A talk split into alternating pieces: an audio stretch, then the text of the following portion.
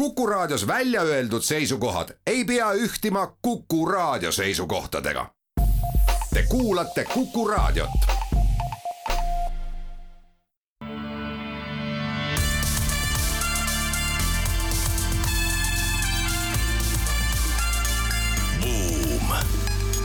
buumile annab hoogu SEB Pank tere päevast, head Kuku raadio kuulajad! on kolmapäev, viieteistkümnes veebruar kahe tuhande kahekümne kolmas aasta ja eetrisse läheb majandussaade Buum. toome heade raadiokuulajateni põnevaid majandus- ja ettevõtlusuudiseid ning juhtimistarkusi laiast maailmast. saatejuhid on täna Ott Pärna ja Raivo Vare.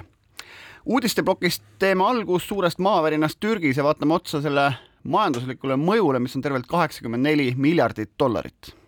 Türgist läheme ka edasi, nimelt on välja tulnud, et Türgi muidu suurest äh, eelarve defitsiidis olev riigieelarve on mingil müstilisel moel saanud poole sellest kaetud mingite arusaamatute kapitali, kapitalidega ja rahadega. edasi räägime maailma suuruselt teisest riigist, Indiast, nimelt on kohalik kogukond avanud siis äh, esimese lõigu riigi kõige olulisemast kiirteest, mis hakkab ühendama New Delhit, mis on pealinn ja siis äri- ja finantskeskust Mumbaid ja kokku on ta üle tuhande kolmesaja kilomeetri pikk. ettevõtlusuudisena räägime sellest, et Singapuris asuv või Singapuris asutatud uue fintechi pank Aspire tõstis üle saja miljoni äh, maailma ühte juhtivamatelt äh, firmadelt nagu Lightspeed ja Sequoia ja räägime laiemalt ka sellest, mis on siis fintechide kümnest äh, tegevusaastast kõrva taha panna üks kergem uudis on meil täna ka, kui nii võib öelda, nimelt vähemalt kellelgi läheb, läheb hästi, seekord siis Ferrari'l. ja tänaseks saatekülaliseks on meil SEB Eesti põllumajandussektori kliendihaldur Andrus Mägi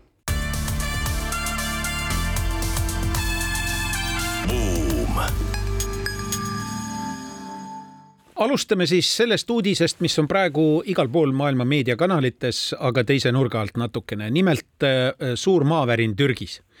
on äh, räägitud, kui suurt kahju see on tekitanud. Äh, viimane number, mida Bloomberg on levitanud, tegelikult räägib sellest, et üldine kahju, mida türklased ise on kokku arvutanud selle maavärina puhul, on kaheksakümmend neli miljardit jutt on siis miljarditest dollaritest ja seejuures me võime võrrelda, kui suured, sellest kaheksakümne neljast miljardist on siis kuskil laias laastus kümmekond miljardit on siis nii-öelda kaduma läinud potentsiaal ehk siis saamata jäänud tulu ja muud probleemid, ülejäänud on tegelikult otsesed materiaalsed kahjud. ja kui seda nüüd võrrelda millegiga, siis võrdleme teise aktuaalse teemaga Ukraina sõjaga. nimelt Ukraina sõjas arvutati, et kaheksakümmend kolm miljardit, kaheksakümmend viis miljardit tuli kokku otseseid sõjakahjusid sügise alguseks praeguse seisuga räägitakse juba hinnanguliselt oli siis äh, rahvusvahelise paneeli poolt pakutud kolmsada nelikümmend kolm miljardit äh, otseseid kahjusid ja president Zelenskõi on rääkinud poolest triljonist ja isegi mingis kontekstis lausa triljonist, mida on Ukrainal vaja selleks, et saada sõjakahjudest üle ja taastada oma majandus. kui suured need numbrid tegelikult välja kukuvad, sõltub muidugi sellest, kuidas sõjakäik edasi on, aga see annab aimu, kui suurte kahjudega on tegu, olgu ta sõda või olgu ta selline äh, looduskatastroof. ja need numbrid on kokku löödud, tegelikult ma natuke kaevasin sinna sisse, need on kokku löödud Türgi,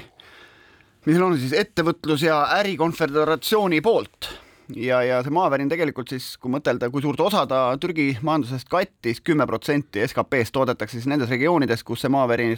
kes maavärinaga pihta said, seal elab kuskil kolmteist koma neli miljonit inimest. et, et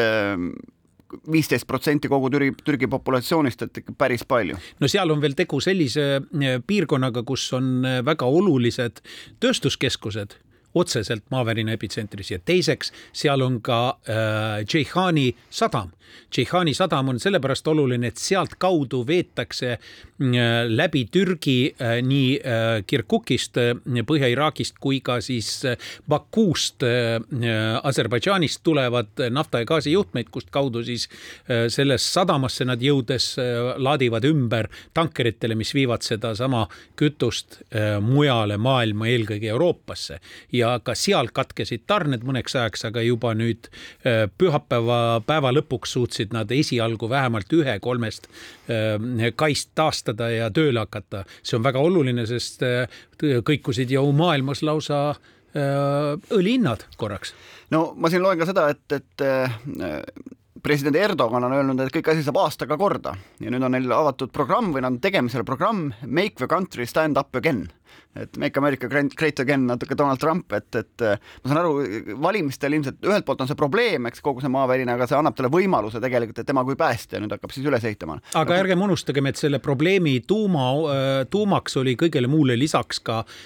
kuidas nüüd öelda, mitte korrektne ehituse praktika. nimelt ka Türgis on lõpuks ka maavärina kindla ehitamise jaoks eh, vastav seadusandlus põhimõttest loodud, aga seal on võimalus teha erandeid ja isegi vahetult enne maavärinat veel möödunud aasta lõpus oli seal eh, parlamendis arutuses täiendavad meetmed, need kõik hääletati maha, nad veel ei tulnud läbi ja, ja tegelikult on tehtud tohutult erandeid, mis võimaldas ehitada mitte maavärina kindlaid maju, mis tekitaski olukorra, mida on ka juba meie päästjad sealt sealt tagasi päästetöödelt tulnud kirjeldanud, et kujutage ette, et tänavad ja väljakud, mis ju on esimesena kannatavad maavärinates, on terved, aga majad on piki neid tänavaid ja väljakuid kõik maas kokku no, kukkunud. no tegemist oli jah, seitsme poole magnituudise maavärinaga koos Süüriga on kokku hukkunud kolmkümmend viis tuhat inimest. see on praegune seis, aga tõenäoliselt see kasvab veel kõvasti. aga ikkagi see lubadus aastaga kõik püsti panna, noh, et, et äh, aastaga ehitatakse ühte kortermaja, me teame, on Eestis no ärgem unustagem, et tegelikult on Erdoganil lähenemas äh, otsustava tähendusega valimised ja, ja sellepärast võib-olla me kuuleme ka asju, mida, mida päriselus võib-olla ei saa juhtuda, aga midagi ei jää üle, tuleb lubada. aga sellega seoses on siin ka teine, teine uudis, et äh, nii-öelda jooksev konto on, on defitsiidis türklastel päris kõvasti ja, ja nende energia, kumulatiivne energiaarve on vist kaks korda varasemat ehk siis, et riik on kõvasti nii-öelda võlas viisil või teisel, eks. ja, ja huvitav on see, et siis seda eelarvet turgutatakse huvitavate ressurssidega. no tegelikult sealt paistavad äh, mingil määral ka Ukraina sõjaga seotud Venemaa kõrvad. nimelt me teame, et on kehtestatud äh, sanktsioonid ja ka finantsvaldkonna sanktsioonid ja see ja väga paljudes riikides, eriti nendes riikides, kus on ka puhast kraanivett võimalik juua, seal tegelikult eh, see tähendab, et rahade liigutamine on keeruline. aga mitmed riigid, mitte ainult Hiina näiteks või India, vaid ka näiteks Türgi, nende sanktsioonidega ühinenud õieti päris täpselt järgides ei ole nad on ühinenud mingil kujul isegi de facto, aga mitte nii, nagu oleks vaja. ja on teada, et sinna on välja, väljaränne olnud Venemaalt väga suur ja sinna on viidud selgelt ka raha väga palju välja. on teada ka seda, et näiteks Venemaa omakorda, kes ju äsja sattus suurde eelarve defitsiiti, kakskümmend viis miljardit dollarit äh, jaanuarikuu jooksul, on müünud kolm koma kaks äh, äh, tonni kulda, kuhu ta seda müüa sai, ikka nendesse riikidesse, kus sanktsioone ei ole ja ongi türklased märkinud, et nad ise on ostnud kõvasti kulda, keskpank on ostnud kulda ja Bloombergi hinnangul on just nimelt pool sellest summast, mis on juurde tulnud või tähendab sellest august, mis on eelarvesse tulnud, on tegelikult olnud kulla peale läinud. ja nüüd selle asenduseks pool summast on tulnud mingite rahade ja, ja ka muuseas kullana kuskilt mujalt ja arvatakse, et see on väga suures osas seotud just nimelt Venemaaga no Türgis elab kaheksakümmend viis miljonit inimest, tegemist on OECD eh, ühe asutajaliigi, riigiga, seetõttu loetakse teda ka arenenud eh, majanduseks. noh, tegemist on pisut vähem arenenud majandusega kui Eesti majandus, aga siiski loetakse teda arenenud majanduseks. ta on G kahekümne liige. kui me tema nagu majanduse struktuurist natuke räägime, siis kõikvõimalikud põllumajandus, tootmine ja toodang, sellest me võime saate teises pooles ka rääkida koos saatekülalisega, tekstiil, autotehaseid on palju Ehm, transporditehnikat toodetakse, igast ehitusmaterjali, elektroonikat, ehk siis et nii siseturu tarvis kui ka ekspordi tarvis muuseas, Türgi on ka kõva sõjatööstuse riik, mida me vähem teame. Nad küll ei ole liiga palju, me teame Bayraktare ja mõningaid teisi arendustöid, mida Türgis on tehtud, eriti nüüd viimasel ajal, aga üldiselt nad on äh, lääne litsentside alusel tootnud päris palju relvastust ja ja Türgi armee on üldse üks võimsamaid armeesid äh, NATO süsteemis ka olnud, aga sõjatööstus no Euroopa on... kõige suurem NATO armee, eks? jah, ja see on, sõjatööstus on päris oluline, mis aga on oluline ka Venemaaga seotud kontekstis, on see, et pärast seda, kui Putin al algatas gaasisõja Euroopa vastu, pärast seda tuli välja ta teise ideega, millega ta meelitas Erdogani ja nad on Erdoganiga loomas sellist äh, Türki nõndanimetatud gaasihaabi ehk siis sellist äh, gaasi äh, kogumise ja ümberjaotamise keskust, kuhu siis tahetakse suunata ka osa Vene gaasivoogused, et mööda hiilida, sealhulgas ka igast võimalikest piirangutest. ja Erdogan on sellest väga vaimustuses ja ta loodab ka sellest täiendavat tulu, aga see pole veel juhtunud. aga samas see on konkreetne raha aga teeme siinkohal väikse pausi, siis tuleme juba uute riikidega tagasi.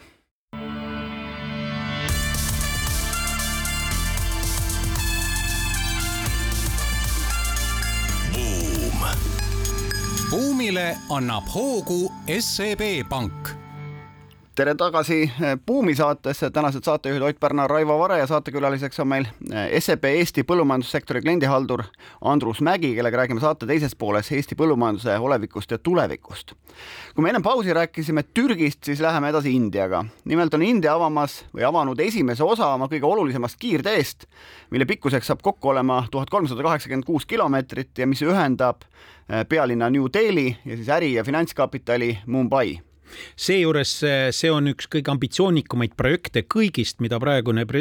peaminister äh, Moodi on käivitanud ja eripära seisneb selles, et mäletate, me rääkisime siin saadetes juba Adani grupi probleemidest. Adani on üks nendest infrastruktuuri ehitajatest seal Indias ja kaasa arvatud ka selles projektis, aga me veel ei tea, kuidas see mõjub või ei mõju hetkel temale. aga see projekt tervikuna, mis maksab kolmteist miljardit ja millest üks koma neli miljardit on siis see esimene sektsioon, kaheksa rida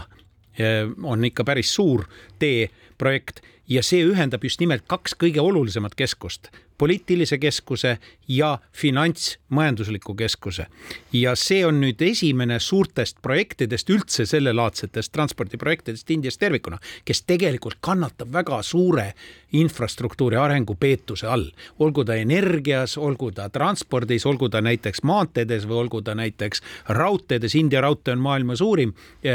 kasutajate arvu poolest, aga on äh, väga kurikuulus oma nii-öelda tegeliku äh, teenuse kvaliteedi eest. nüüd teede osas tuletage meelde, et üks põhjendusi, mida Moodi on arendanud ja mida tegelikult ka praegu selle uudise puhul rõhutatakse, et selle tee eesmärk on parandada ähm, Indias äh, konkurentsipositsiooni kellegi muuga kui oma põhjanaabri Hiinaga. ja nüüd häda on selles, et äh, hiinlased on sellesamaga tegelenud juba pikki aastaid. alustasid nad tuhande üheksasaja üheksakümne kaheksandal aastal selle programmiga, analoogse programmiga maanteede ehitamisel ja nad on tänaseks jõudnud selleni, et on katnud kogu äh, oma territooriumi suure, suuremal või väiksemal määral taoliste või natukene väiksema mastaabiliste mm, äh, kiirmaanteede võrgustikuga, aga lisaks sellele on ehitanud veel ka raudteevõrgustiku, mis täna võimaldab Pekingist jõuda kõikidesse, ka kõige kaugematesse näiteks näiteks Xinjiani keskustesse, Urumqisse eh, kaheteist tunniga ja ainult Lhasasse sõidetakse kakskümmend neli tundi, sellepärast et see on maailma kõrge, kõrgemal asuv raudtee, viis tuhat kolmsada meetrit üle merepinna, seal lihtsalt ei saa nii kiiresti sõita. no kes Indias on käinud, siis teab, et see logistika on seal karahuul, et lennuühendused on kõige paremad viis, viis seal liikuda, eks, et India raudtee teadupärast pärineb Briti impeeriumi ajast, et eh, tuhat kaheksasada kolmkümmend kaks hakati arutlema selle üle, et kas Indias võiks raudtee olla, nelikümmend tuli, kaheksa, tuhat kaheksasada nelikümmend ehk siis kakssada aastat tagasi peaaegu, sada üheksakümmend aastat tagasi tuli või sada kaheksakümmend aastat tagasi tuli, tuli Londonist käsk, et hakake raudteed ehitama ja kaks, eh, tuhat kaheksasada nelikümmend neli vist esimene jupp avati. et, et mõtleme, need investeeringud on sealt ajast et.... jah, aga arvestagem, et India puhul on siis tegu riigiga, mis on siis tänaseks maailma kõige rahvarohkem riik ja Hiinast ka mööda läinud. teiseks on tegu viiendaks tõusnud majandusega ja väga ambitsioonika programmiga eh, nii-öelda tulevikku, eesmärgiga tõusta kolmandaks majanduseks kahe tuhande kolmekümnendaks aastaks. seda ilma infrastruktuuri vastava arendust ei ole võimalik teha, aga nagu ma ütlesin, seal on tohutud suured lakuunid ja probleemid. tegelikult üks asi on jah, on see kulu, mis sellega kaasneb, aga tegelikult ehitussektor üleüldse on kõige suurema mõjuga sisemajandusele, kui midagi kuskil ehitama hakatakse, noh, materjali toodetakse paljuski kohal, inimesed saavad tööd, nii edasi, et et küll ja küll on riike, mis on nagu oma ehituse kiiluvees tegelikult ka ise kasvanud, Ameerika Ühendriigid, eks. et, et selles mõttes see võib suure tõuke anda ka kogu sellele Hiina majanduse arengule aga millega tegu on konkreetse projekti puhul, siis sellest annab aimu, et arvestuslikult lühendab ta transpordiks kuluvat aega nende kahe keskuse vahel üle kahe korra kujutage ette, mis see täna tähendab, ega siis sellel teel ka sõidetakse ainult saja kahekümnese maksimumkiirusega, aga nüüd kujutage ette, kus praegu, missugune on äh, selle äh, ühenduse tehniline seisukord, kuni see tee valmib. jah, aga siit võib-olla Vassilik minna edasi regioonis võib-olla natuke lähemale tulla ja minna Singapuri, kui me siin siin ja seal täna jutte kuulame, siis riskikapital tänu sellele, et, et raha hind on tõusnud, ütleme, on väga valik, valivaks muutunud erinevate investeeringute osas. eile ma kuulsin, et ettevõtted valuation'id on kolmkümmend korda alla läinud, ehk siis nende hinnangulised väärtused, mille alusel siis osalust võetakse, kui seda raha sinna, sinna investeeritakse. et siiski selline uue ajastu pank või fintech Aspire Singapuris ja suutis sada miljonit dollarit tõsta. ja seejuures, nagu ma juba sissejuhatuses ütlesin, ka juhtivatelt rahastajatelt, VC-delt nagu, nagu Sequoia näiteks, mis tähendab seda, et ikkagi usutakse sellesse projekti konkreetselt ja üldiselt arvatakse, et fintech tervikuna siiski pakub huvi, arvestades kõiki maailmas toimuvaid protsesse, arvestades blockchain'i arengut, arvestades ai arengut ja nii edasi, et seal toimub nii-öelda edasine tehnoloogiline areng. no mõtle, kui me võtame pangandussektori osakaalu kogu maailma SKP-st, siis see on nii suur ja, ja ta on ikkagi selline ma ei taha öelda õhumüük, aga ta ei ole nii kapitalimahukas äri, kuhu minna ja fintech'id ilmselgelt suurtest pankadest tükke võtavad ja seal ruumi nagu areneda on küll ja veel. no aga... me oleme ise näinud, meil on endal üks mm. unicorn, eks ole, fintech'is ja tegelikult on meil, ei, meil on kaks unicorn'i fintech'is otseselt. ja tegelikult meil ju areng toimub ka selles vallas, ka siin väikses maailma nurgas, aga nüüd arvestagem, et miks Singapur sellepärast et Singapur on kujunemas selle uue tõusva Aasia turu keskuseks, me rääkisime siin üsna hiljuti sellistest teemadest ka saates ja see tähendab, et seal on võib-olla perspektiivi vaat et veel ka rohkem. no meie oma Wise'il on vist seal kolmsada inimest tööl, et jah et nii on, aga samas on fintech sektor tegelikult ka üksjagu õppinud viimase kümnendiga, et on seal terve rida selles mõttes selliseid ärisuundasid, mis, kuhu on küll investeeritud, aga, aga mis pole nagu osutunud nii edukaks, no üks on see, et äh, sellised robotid, kes annavad sulle nõu, millal mingeid aktsiaid hoida, müüa või, või osta, ähm, äri, mida ei saadud ikkagi investeerimispankadelt kätte, eks piisavalt palju, piisavalt jõukaid inimesi, keda siis need robotid võiks aidata oma investeerimisotsuseid ise teha, samamoodi see nii-öelda sõbralt sõbrale laenamine või ka kindlustuse pakkumine on ka selline nii ja naa asi, et, et rida fintech'i, kes seda proovisid teha, pole väga hästi läinud ja seal on rida teisi tegelikult ärimudeleid, mis selles asjas pole õnnestunud. aga jällegi, nagu me rääkisime, et, et pangandussektori osakaal noh, maailma majanduses üleüldse nii suur ja seal on teha küll ja veel, noh, meie oma Inbank, kes läheb oma mingisuguse tarbijafinantseeringutega nišiga tegelikult mööda riiki ring, või mööda maa, mööda Euroopat ringi. aga automatiseerimine tegelikult, mis selle robotiseerimise taga see on, on fintechis äh, loomulik nii-öelda arengusuund ja see on teatud määral võimalik, aga tuleb välja, et tegelikult teenuse kvaliteedi ja selle viimase vindi saavutamiseks on vaja isiklikku lähenemist ja see on üks õppetund, et robot ei asenda inimest selles suhtes. Ja no aga te teises kohas jällegi, kui me räägime kindlustusriskide hindamisest, siis tehisintellekt ilmselgelt on asendamatu või asendab tegelikult hulka-hulka inimesi, eks, et võim, võimsusega suuri andmehulku ja ütleme, mustreid analüüsida. no tegelikult must töö tehakse nii-öelda masinate poolt üha rohkem ja rohkem, aga ikkagi seda viimistletud teenust kogu ulatus ei saa, aga muuseas üks trend, millest me tegelikult, Ott, oleme ju rääkinud ka selles saateformaadis, on olnud see, et Fintecho pakub huvi ka suurtele nii-öelda traditsioonilistele äh, pankadele. Ja tasapisi nad äh, vaikselt imbuvad sellesse sektorisse ka ise sisse. alguses oli see konkureeriva arendamise filosoofia, nüüd tundub, et ikkagi varem või hiljem on see väga tihti äraostmise äh, variant, nii et äh, fintechiga tegelemine on igal juhul mõttekas, on võimalik exit fintechis teha suurte pankade puhul, kes on valmis ka rohkem alati maksma. selle, selle Singapore Aspire'i osas on tegelikult noh, teda nimetatakse new bank'iks või uueks pangaks, eks ta on tegelikult ikkagi nagu laiema siis tooteportfelliga pank, kui, kui võib-olla fintech'id on. Fintech'id lähevad nagu hästi kitsas nišis hästi laiaks, eks, ja tihti pakuvad ka oma teenust teistele pankadele. aga siin räägime ikkagi sellisest nii-öelda kommertspangast, kes on SME-dele suunatud ja kelle lubadus on just see, et me toome need erinevad nii-öelda tooted teile ühte platvormi kokku, integreerime selle ära kõige populaarsemate raamatupidamistarkvaradega ja, ja seeläbi oleme ikkagi nagu uue ajastu pank, aga siis noh, laiemas tegevusampluaas. just, just see SME-d on tegelikult see märksõna ja olgem ausad, kuna valdav osa ettevõtlust üle maailma on tegelikult ikkagi SME kategooriast, just nimelt arvulises mõttes. Ja pankade seisukohast vaadates nendega töötamine on palju keerulisem, me kindlasti külalisega täna räägime veel sellest näiteks põllumajandusega kontekstis, siis see tähendab seda, et noh, et kui on võimalik seda viia mingisugusele robotiseeritud äh, algoritmide peale, on seal suur võit. ühe kiire uudise jõuame ka siin ära rääkida, nagu me ütlesime, et kellelgi läheb täna ka hästi, nimelt siis näiteks Ferrari'l. äh,, Piero Ferrari, kes on siis Enzo Ferrari äh, poeg tema varanduse väärtus on tänaseks siis viis koma kuus miljardit dollarit, Ferrari väärtus New Yorgi börsil on kasvanud alates börsile minekust vist kaks tuhat viisteist, nelisada protsenti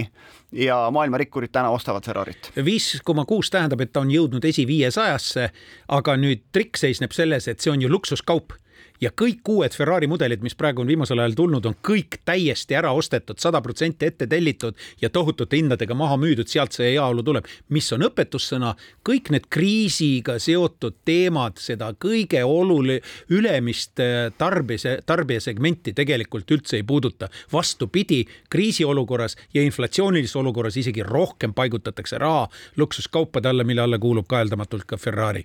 jah, ja ka Ferrari on pehmoks läinud, nimelt on vist kas aastaks kaks tuhat kakskümmend viis lubab ta esimese elektri, täiselektri Ferrari välja tuua. jah, aga juba on ta ka maasturiga välja tulnud, nii et tõepoolest ka Ferrari muidugi kohaneb kohaneb, kohaneb ja maasturiga on välja tulnud samamoodi Bentley, eh, samamoodi Lamborghini, et kõik nad saavad aru, et need linnamaasturid lähevad kaubaks, nendega märksa mugavam linna vahel paarutada, kui sul raha on, kui nende sportautodega, kus me oleme ise rääkinud, et et rikkam osa ühiskonnast kipub olema vanemaealisem ja ta sinna sportautosse sisse saab, aga välja enam ei saa. aga selle eh, mõttega teeme siia väikese pausi ja siis tuleme juba saatekülalisega tagasi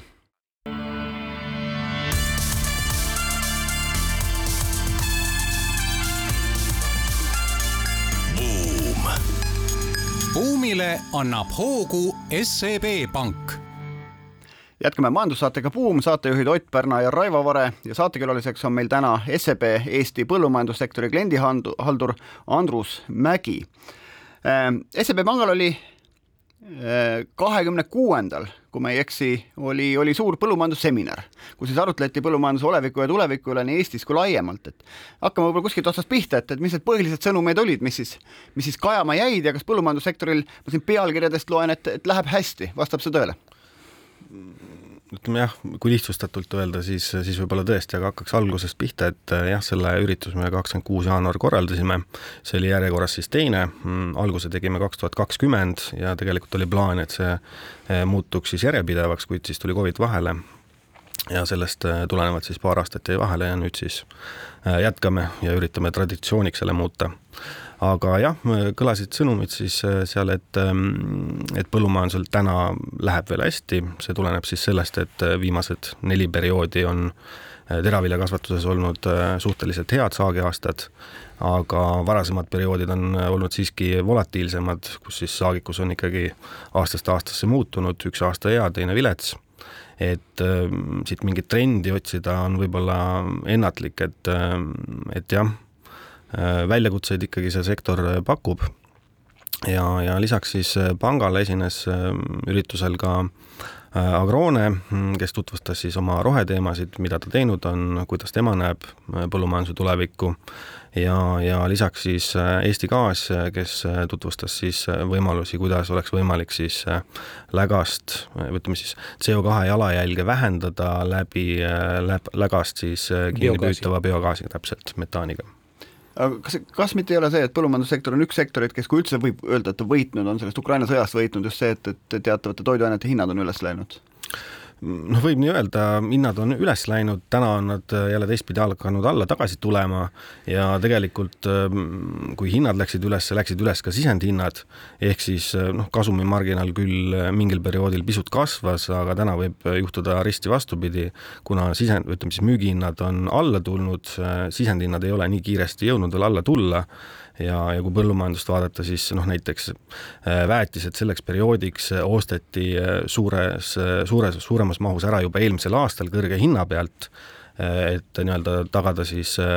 kindlus, et sul oleks väetised olemas. eelmisel aastal näiteks lämmastikväetis maksis üheksasada eurot tonn, täna on see nii-öelda hind tulnud alla viiesaja peale, ehk siis sõltub sellest, kes millal ostis, et sellest nii-öelda siis hakkab sõltuma ka järgmise aasta või selle aasta nii-öelda kasum. aga see, mida, mis hinda ta saab tür, turult küsida, see on ikka sama. sa ostsid oluliselt kallimaid sisendeid kui mõni sinu konkurent ja sealt tekivad ka muidugi probleemid, aga mis energiasisendiga toimus? Mm, eks energiasisend, noh kui võtta gaas, gaas selle nii-öelda mm, väetise hinna siis üles ajaski, kui rääkida lämmastikväetisest, siis põhiline sisend ongi seal gaasi hind Mm, tegelikult äh, muutus ka tarnekindlus, kuna Euroopa tehased siis äh, äh, võtsid tootmisvõimsused eelmise aasta keskel maha tänu kõrgele gaasi hinnale ja sealt võib-olla siis põllumeestel tekkiski nii-öelda hirm tarnekindluse pärast väetiseturul. kas, kas eestlased üldse panevad veel väetist turule? Või siin põllule, ma loen, et, et Eesti on mahepõllumajanduse osakaal on kakskümmend kaks protsenti ja, ja kolm korda suurem kui Euroopas vastab tõele ja, ja kui nii-öelda rääkida siis kliimaeesmärgist ehk siis Fit for fifty five'ist, siis seal on nii-öelda sätestatud et, kakskümmend viis protsenti võiks olla siis mahepõllumajanduse osakaal, ehk siis meil on see juba täna peaaegu täidetud, Euroopas on see siis kuskil keskmiselt kaheksa protsenti. kas see on sellepärast, et me ei jõua väetist osta ja, ja igast taimekaitsevahendeid või on see seepärast, et, et me tahame olla? pigem võib-olla tahaks öelda, et meie põllumehed ongi nii-öelda siis äh, majandanud äh, hea peremehelikult meie maal, äh, väärtustanud maad, hoidnud mullaviljakust, nii-öelda olnud siis võib-olla innovaatilisemad kui, kui teised. aga jah, eks üks põhjus on ka see, et meie nii-öelda turg on väike, mm, väetishinnad on kallid Äh, ja, ja see on siis nii-öelda üks, üks viis, kus nii-öelda siis väetistest, väetiste hinnast nii-öelda võita, ehk siis teha pahe, mahepõllumajandust no kus me siiamaani oleme kuulnud seda, et põllumajandusega Eestis tegelemine on ikkagi suhteliselt selline keeruline värk, et siin prantslased maksavad kõvasti peale, subsiidiumid on igal pool nii suured, et me ei saa omadega hakkama, aga nüüd ma vaatan seda ja loen, et ähm, just kliima tõttu või, või selles mõttes, et me oleme keskkonna mõttes nagu mõistlikus kohas elame kliima mõttes, on äh, meie põllumaade viljakus ja selle stabiilsus märksa parem kui Lõuna-Euroopas, kus üks aasta võib olla täielik põud ja teine aasta võib-olla mõistlikum toodang noh, mullaviljakus see vast otseselt ei äh, mõjuta, pigem siis äh, kliimat ja, ja nii-öelda siis erinevate taimekultuuride nii-öelda äh, kasvuks vajalike temperatuuride nii-öelda siis absoluute, et jah, võib väita, kui nii-öelda keskenduda siis või ütleme siis tugineda Euroopa Keskkonnaagentuuri analüüsile, et siis ähm, sealt ilmneb siis, et põhimõtteliselt meie kui siis põhjaregiooni viljakus näiteks nisu vaatest, nisu on siis enim kasvatatav kultuur Euroopas, Mm, selle nii-öelda siis vilja või saagikus võiks äh, järgneva kümne aasta äh, vaates tõusta, kui siis äh, lõuna pool vaadatuna langeb see pigem ehk siis no. meil oodatakse sellist kümneprotsendist kasvu, lõuna pool kümneprotsendist langust, tulenevalt siis see temperatuur absoluutnumbritest. no tegelikult temperatuurist jätkates ja kliimateemadega mingil määral siis kahe tuhande seitsmeteistkümnendal aastal tehti ka üks uuring Euroopa Liidus, mis näitas, et meie piirkonnas peaks mõneti olukord isegi paranema kliima nii-öelda, vaatamata üldisele kliimaolukorra halvenemisele, mida ennustatakse siis just nimelt nii, nagu praegu külaline ütles, et et meie piirkonnas läheb paremaks ja Lõuna-Euroopas läheb oluliselt halvemaks, nii et, nii et põllumajandus majanduse seisukohast on meil vähemalt teatud valdkondades tõenäoliselt võimalused väga suured. teine teema on see, et lisaks, lisaks nii-öelda taimekasvatusele on meil veel ka loomakasvatuse pool, eks ole, ja näiteks piimas oleme me täna juba Euroopa tipus efektiivsuse mõttes. ehk siis noh, ega sealt väga palju enam edasi võib-olla nii-öelda hüppeliselt ei olegi võimalik minna. ma olen kasutanud seda näidet, et äh, Leida Peips, kurikuulus, sai omal ajal sotsialistliku töö kangelaseks läbi selle, et tema laudas lüpsti, tema nii-öelda laudas laudas ainult, mitte farmis tervikuna, lüpsti, eks ole, kolm tuhat kaheksasada midagi, nelikümmend vist oli kilo lehma kohta keskmiselt aastas, see oli totaalne number, mida noh, Nõukogude Liidus ei tuntud. ja see samal ajal, eks ole, täna on noh, meie, meie modernsetes piimafarmides väljalüpsid kolm, kolm ja pool korda üle selle juba jõudnud. ja no Leida Peps sai ju suure ordeni ka selle asja eest, aga no, parandaks võib-olla seda Leida Pepsi tulemust, et tuhat üheksasada seitsekümmend neli, siis kui oli tema rekordaasta, oli see väljalüpsis viis tuhat kakssada kilogrammi ühe rehma kohta ja kui vaadata siis Euroopa Liidu keskmist, siis äh, sarnast tulemust Euroopas tehti keskmiselt kahe tuhande esimesel aastal. ehk siis äh, kolmkümmend aastat äh, nii-öelda tagasi tegi Leida Peip sellise tulemuse. ja meil on farmides üksteist pluss tuhat. jah, aga ükskõik kui hästi läheb Eesti põllumehel, meie põld on ikka kümme hektarit suur ja siis tuleb kraav vahele, no järgmine kümme hektarit, aga ukrainlastel on märksa suuremad. et sellest taustast ma tahtsin küsida, et, et kelle käes Eesti põllumaa, põllumaa on ja kes seda käitleb, on need eestlased veel, miks ma küsin seda, on Ukra-, Ukrainas on ta teatavasti hiinlaste käes suures osas valdavalt on ikkagi jah, meie, meie nii-öelda põllumehed äh, eestlased ja, ja jah, ja konsolideerumine tegelikult toimub, ehk siis väiksemad põllumajandusettevõtted lõpetavad tegevust, suuremad ostavad nad ülesse. ja kui tuua veel siin selline võrdlus, siis et äh, kui jagada nüüd siis Eesti põllumajanduspindala ettevõtjatega, siis me saame selleks suhtarvuks kuskil üheksakümmend hektarit, ehk siis keskmise põllumajandusettevõtte suurus on üheksakümmend hektarit Eestis. ja kui vaadata Euroopa keskmist, hektarist äh, on see suurusjärk seitseteist hektarit, ehk siis meie põllumehed on võrreldes Euroopaga pisut suuremad. aga mis piirkonnas on teistes Balti riikides, Soomes? Mm, äh, Leedus on see näitaja kakskümmend üheksa ja Lätis kakskümmend kaks. aga see on ikkagi see, et lõpuks on meil seal suur, suur kümme, kes omab umbes poolt ja siis on kõik ülejäänud või? jah, põhimõtteliselt küll aga panga seisukohast vaadates see pole üldsegi halb, sellepärast et suured on ka oluliselt stabiilsemad, nende nii-öelda finantseerija poolt vaadates on palju, palju kuidas nüüd öelda, mitte lihtsam, aga võib-olla mõneti efektiivsem nendega koostööd arendada? no pigem nad teevad jah, oma selle keskmise tulemuse suurema tõenäosusega ära kui, kui väiksemad, kus siis need äh, nii-öelda kõrvalekalded võivad olla suuremad, kuna, kuna jah, mida suurem pind, seda parem efektiivsus äh, ja nii edasi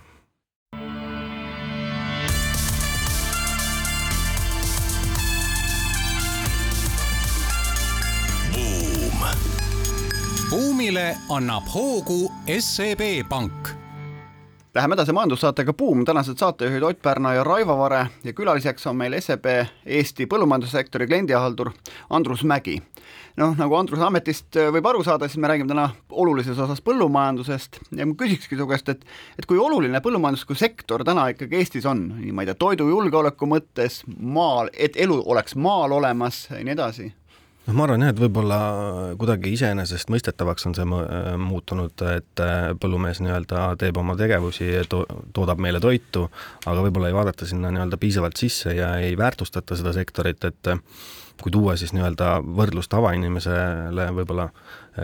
arusaadavasse keelde, et äh, kui tavainimene on harjunud saama palka üks kord aast-, üks kord kuus, siis põllumees äh, sesoonsusest tulenevalt saab palka üks kord aastas. ehk siis see nagu võiks iseloomustada seda sektorit ja seda mm, nii-öelda keerukust, et majandada ära siis ühe kord, üks kord saades ükskord aastas palka, pead sa nii-öelda siis kaksteist kuud ära elama ja ja mis veel keerulisemaks teeb selle asjaolu, et äh, põllumees mitte kunagi ei tea, kui suur tal see palganumber aasta pärast on, sellepärast et äh, taevataadiga taevas ei ole võimalik lepingut teha, ta ei ole nii-öelda usaldusväärne partner, ehk äh, võib sisuliselt juhtuda, et põllumees teeb kõik endast oleneva ära ja aasta lõpus selgub, et ta saab viiskümmend protsenti oodatust väiksema palga kätte. ehk siis tegu on ka sellise riski, ütleme niimoodi, tuntud mõjuga, mida võiks kviteerida kui force majeure'i. Ja seejuures ikkagi kõiki kohustusi tuleb täita, kõiki asju tuleb ikka teha nii, nagu sa pead tegema ja siis tuleb sul veel aeg-ajalt igal juhul tuleb mingi force majeure kaela ehk jah, me põllumeestele nii-öelda, kui pank küsib ta käest, et esita meile palun prognoos, siis äh, põllumehele see reeglina ei meeldi, et seda prognoosi on suhteliselt äh, keeruline koostada. no õnneks on küll, ma saan aru, et põllumeestele antud laenud kuidagipidi tagatud nii nende, nende piimakarja, lautade, masinate kõige muuga, et, et ta päris no eks panga silmist jah, põllumajandusmaa on suhteliselt äh, hea tagatis, ähm, peame seda piisavalt likviidseks, äh, väärtus on äh, samuti ajas tõusnud, et ähm, ütleks nii, et tagatisprobleemi põllumehel ei ole, pigem on kasumi teenimise võimekus küsimärgi all. Aga kuidas on tehnikaga varustamise pool, sellepärast et noh, põllumajanduses üha rohkem tuleb tehnoloogia appi ja ilma pangata nüüd neid kalleid masinaid soetada ei ole võimalik jah, et pank tuleb siinkohal, siinkohal appi põllumehele mm, ja, ja ja ütleme siis, et põllumajandus jah, ka siin on tekkinud eripära, et enam ei ole masinaid nii kiiresti saada, et tuleb nii-öelda pikemalt ette mõelda, tarne, tarnekindlus või ütleme siis tarneajad on veninud olulisemalt pikemaks, et jah, tuleb ka siin nii-öelda rõhku panna planeerimisele suuremas, suuremalt noh, me oleme, me saame aru, et ütleme, põllumajandusest räägib pankur, järelikult pangal on oluline osa, osa põllumajanduse noh, majandamisest me rääkisime, see sesoonsus on üks põhjus ilmselt, miks seda, miks seda vaja on, aga kuidas pankade vahel see turuosa siin jaguneb, et, et kui suured te olete SEB-s? Ja kui põllumees tahab kuskilt laenu saada, kas on, läheb, võib ükskõik millisesse panka minna nagu eluasemelaenuga või on rohkem spetsialiseerunud äh, panku? noh, põhimõtteliselt võiks jah täna öelda, et äh, põllumajandussektor meeldib äh, kõikidele pankadele, põllumeeste nii-öelda pärast siis käib võitlus, meie turuosa on circa kolmkümmend protsenti, mm, Swedil on see pisut suurem, nelikümmend protsenti aga, aga jah, ja siinkohal me siis nii-öelda oleme ka alati öelnud, et äh, kui põllumehel tekib huvi panka vahetada, siis äh, panga uksed on lahti, tuleme räägime, äkki suudame nii-öelda paremaid tingimusi pakkuda kui palju te olete näinud pankrotti läinud põllu, põllumehi ja palju teil põllumajandusmaad bilansis omal on? Võiks bilansis, bilansi kohta ma ei oska vastata, aga põhimõtteliselt äh, võiks öelda, et sisuliselt äh, pankrotti äh, läinud ettevõtteid põllumeeste näol meil ei ole. et nagu ma ütlesin, et toimub konsolideerumine, et kui keegi otsustab lõpetada, siis mõni suurem lihtsalt ostab ta üles ja, ja pankroti ohtu jah, ei ole nagu näinud kui me Tammsaare aega tagasi läheme, läksime, siis oli võimalus talusid osta, et kas täna on ka talu, talusid müügis ja kuidas täna põllumeheks hakatakse? jutt on põllumajandustaludest, mitte suvitustaludest. ja, ja põllumajandustaludest. noh, kui me räägime jah, põllumajandustalu ostmisest, siis äh, väga sügavad taskud peavad olema, huvi kindlasti turul on, äh, eelistatud on, või ütleme siis eelisjärjekohas on ikkagi siis suuremad, suuremad tootjad, kes saavad selle infole kiiremini ligi, ostavad oma naabri, naabri üles või võtavad ta põllud kasutusele, et et pigem see käib jah, niipidi aga võib öelda, et konsolideerimine on selline immanentne ja pidev protsess, nii nagu põllumajandustoodangu töötlussektorites on ju konsolideerimine juba tükk aega käinud ja jätkub, siis sama on ka põllumeeste hulgas. jah, ütleks, et see on jätkuv protsess kuidas tehnoloogiaga on, selles mõttes, et Tammsaare aegsetesse äh, nii-öelda äh, põllu tegemistesse enam äh, ei kujuta ette, et keegi üldse viitsikski sellega tegeleda, täna on ju John Deere'id igal sammul, eks ole, kõige viimase sõna järgi, isegi me mäletame, et üsna hiljuti oli meil skandaal, et varastati tehnoloogiat põllumajandusmasinate pealt, mitte masinad ei varastatud, tehnoloogiat varastati selle pealt. et on see pankades näha? katuselt äh, GPS-andureid äh, kiputi jah, siis nii-öelda mm, kaasa võtma. Äh, jah, ega hobusega täna enam keegi põldu, põldu ei künna, pigem on ikkagi jah, suured traktorid ja noh, mis võib siis nagu välja tuua võrdluses muu Euroopaga, et meie põllumehed pigem hindavad uut tehnikat ja suuremat tehnikat, mille jõudlus on siis suurem. no põhjuseks ongi siin jälle siis kliima, ehk siis meie koristusperiood sügisel on suhteliselt lühikene selleks on vaja nii-öelda kindlat ja uut masinat, mis äh, nii-öelda rikki ei läheks sul sellel koristusperioodil, ehk siis maandada oma riske äh, mul üks sõber siin osa, ma nime ei ütle, aga osaleb valimistel loosungiga maaelu popiks. et, et põllumajanduses ma saan aru, et on piimakari, eks, ja siis on teravilja tootmine, on need kaks suurt asja, mille vastu te ilmselt laenu annate, aga mida veel maal, maal põnevat tehakse? ja mida võib-olla ka väikesemates taludes või kompleksides saab teha? Äh, eks võib-olla siis äh, marjakasvatust, et äh, kui rääkida siin noortalunikest, siis iga aasta mm, lisandub siin circa sada noortalunikku, mm, kellele siis võimaldab Euroopa Liit toetust, annab stardikapitali. kui vana on noor? kuni nelikümmend eluaastat, ehk siis enne seda tuleks ettevõte asust, asutada ja siis toetust küsida ja palju toetust antakse? toetus oli siiamaani nelikümmend tuhat, eelmisest aastast tõusis kuuekümne tuhande peale. ja mis selleks peab olema, hektar maad, kümme hektarit, sada hektarit? Äh, sisuliselt ei pea sul endal olema mitte midagi, võid käest taskus seda nii-öelda äh, toetust küsida, sul peab olema tahe ja vastu pead siis pakkuma seda, et sa omandad äh, selle toetusperioodi jooksul ehk siis kahe aasta jooksul vastava hariduse ja alustad siis tegevusega kas on muid valdkondi, no on kõlanud sellised arvamused, et no näiteks maheseemned on üks selline potentsiaalseid valdkondi, mida Eesti just nimelt suudab kindlustada, arvestades, mis on põllumajandussektori seisud ka siinsamas Euroopas mujal. kas see on teil nähtav pangas? Täna pigem ütleks, et, et ei ole nähtav, aga arvatavasti selle osakaal tõuseb, noh puhtalt juba sellepärast, et see on nii-öelda fookusteema rohe, roheteema näitelt ja, ja kui vaadata siis meie nooremat generatsiooni, siis nende jaoks tundub, et see on oluline teema, ehk siis jalajälje vähendamine ja, ja, ja julgeks öelda jah, et see on pigem kasvav trend, trend siis mahe, mahetoodang.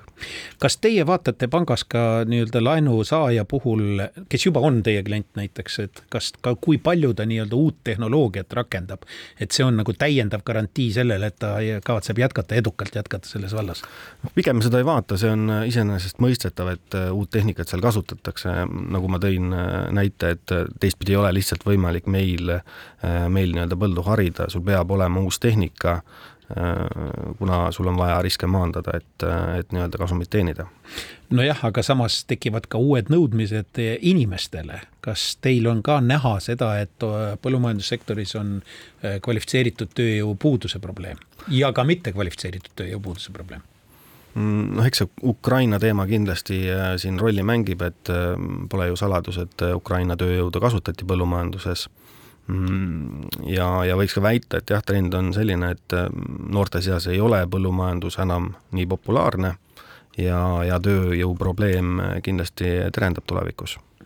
Noh, samal ajal ka tehnoloogiad, mida kasutatakse, kui siin on meie farmides üleval Euroopa suurimat hulka kuuluvad äh, lüpsikarussellid, kus tegelikult enam käsitööd praktiliselt polegi, minimaalselt ütleme niimoodi ja on tegelikult noh, vähemalt osad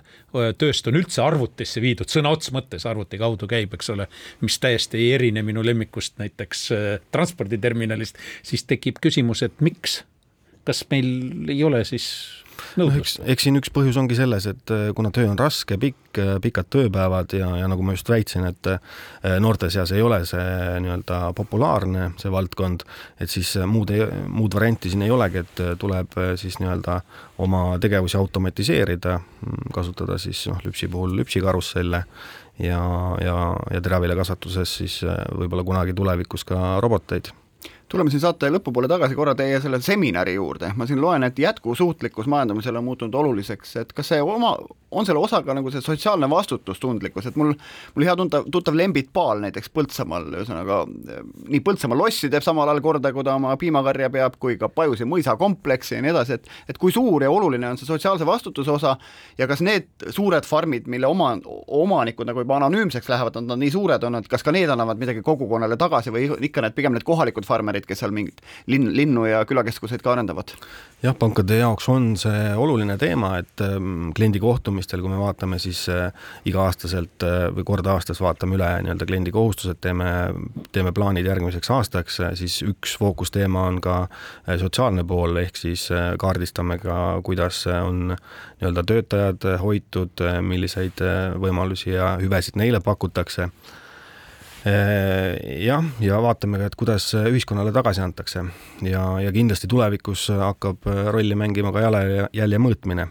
ehk siis äh, pangad äh, tulevikus on kohustatud fikseerima neid näitajaid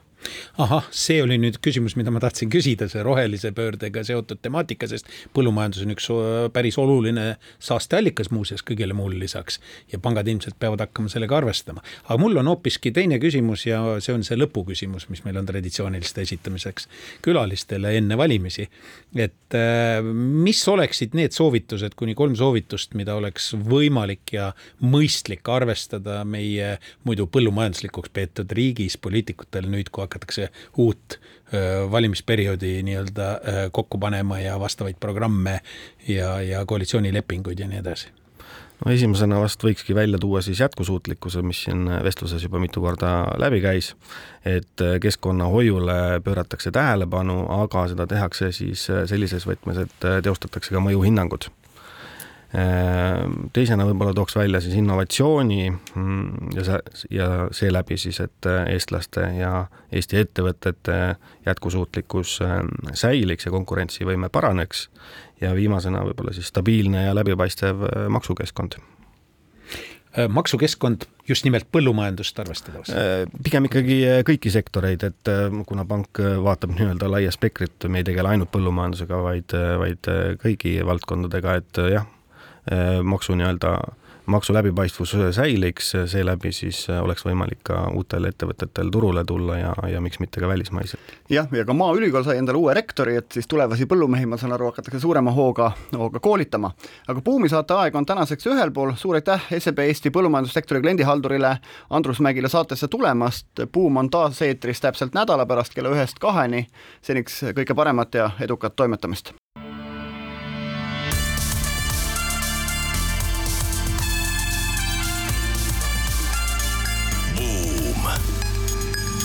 Buumile annab hoogu SEB Pank